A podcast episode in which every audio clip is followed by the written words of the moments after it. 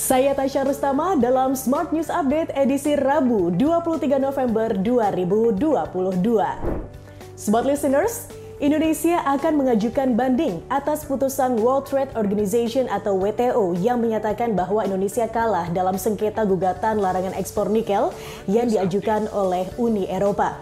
Menteri Energi dan Sumber Daya Mineral Arifin Tashrif menegaskan bahwa Indonesia siap mengajukan banding atas putusan tersebut.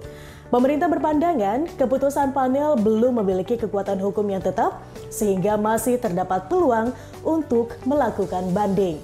Berita selanjutnya, Kementerian Perhubungan memperbolehkan masyarakat untuk mudik saat libur Hari Raya Natal 2022 dan Tahun Baru 2023. Direktur Jenderal Perhubungan Darat Kementerian Perhubungan Hendro Sugiatno mengatakan karena tidak ada larangan, maka pemerintah menginstruksikan kepada seluruh personil untuk lebih meningkatkan koordinasi agar angkutan saat libur akhir tahun tersebut berjalan dengan baik. Berita terakhir, ekonomi global diprediksi mengalami turbulensi di tahun 2023. Presiden Joko Widodo juga memprediksi kondisi ekonomi tahun depan akan lebih sulit dari tahun ini, termasuk Indonesia. Strategi untuk menghadapi ekonomi sulit pada tahun depan pun harus disiapkan oleh Anda, para pelaku usaha, agar bisa mengatasinya dan maju sebagai pemenang.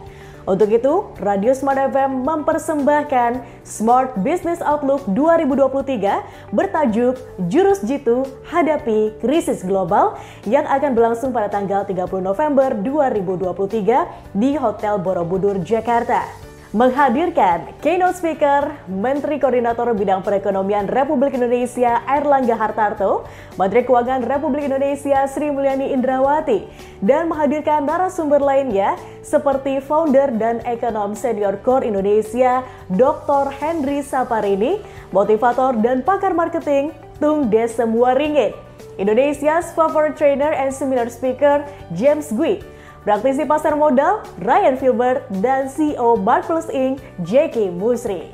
Sekian berita hari ini, Smart News Update didukung oleh PT Pegadaian, Isuzu, Bank BCA, Evit by PT Lapi Laboratories, PT Mandiri Tunas Finance, Samco Health by Samco Pharma, dan Hotel Borobudur, Jakarta.